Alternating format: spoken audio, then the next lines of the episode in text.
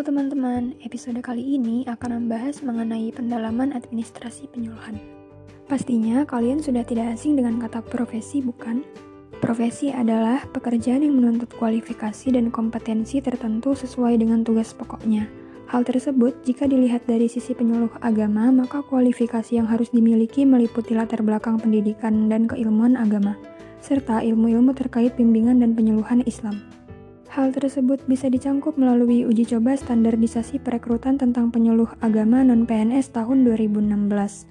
Penyuluh agama juga harus memiliki kompetensi, yaitu kemampuan metodologis dan substantif.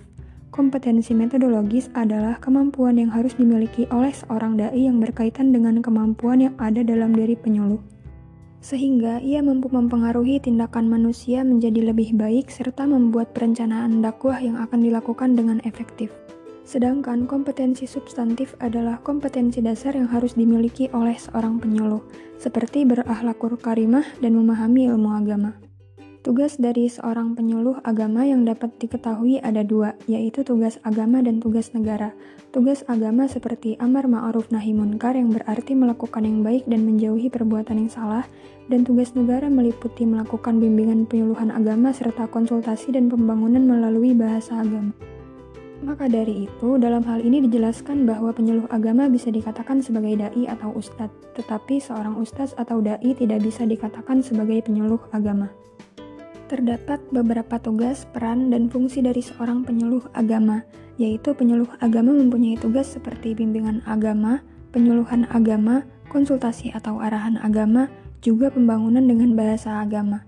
Peran yang harus dimiliki oleh penyuluh agama di antaranya sebagai komunikator dan edukator, fasilitator media dakwah atau pemahaman agama, motivator, inisiator, dan juga stabilisator.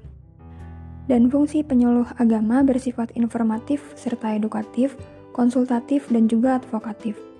Kemudian, pada kompetensi penyuluh agama terdapat administrasi penyuluhan yang berguna untuk mengolah data identifikasi serta menyusun rencana kerja dan juga menyusun laporan hasil konsultasi.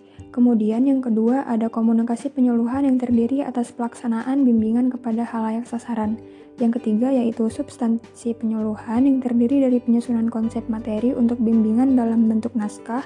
Dan keempat pengembangan profesi kepenyuluhan seperti menyusun KTI yang berkaitan dengan spesialisasi bimbingan penyuluhan. Nah, setelah kalian mengetahui beberapa tugas dan peran serta kompetensi yang dimiliki penyuluh agama, tentunya pada proses akhir juga harus dilakukan evaluasi. Pada administrasi penyuluhan agama terdapat tiga evaluasi, yaitu yang pertama evaluasi program yang meliputi tenaga teknis dan administratif, Lalu kedua ada evaluasi proses yang meliputi penilaian terhadap tugas seseorang dalam kegiatan bimbingan dan evaluasi hasil yaitu upaya pengumpulan informasi untuk mengetahui efektivitas dan efisiensi kegiatan yang telah dilakukan. Teknik evaluasi dapat dilakukan melalui pengambilan data partisipatif, dapat juga melalui kuesioner atau angket, dan melalui pengamatan maupun wawancara. Cukup sekian, semoga bermanfaat. Sampai jumpa di podcast selanjutnya.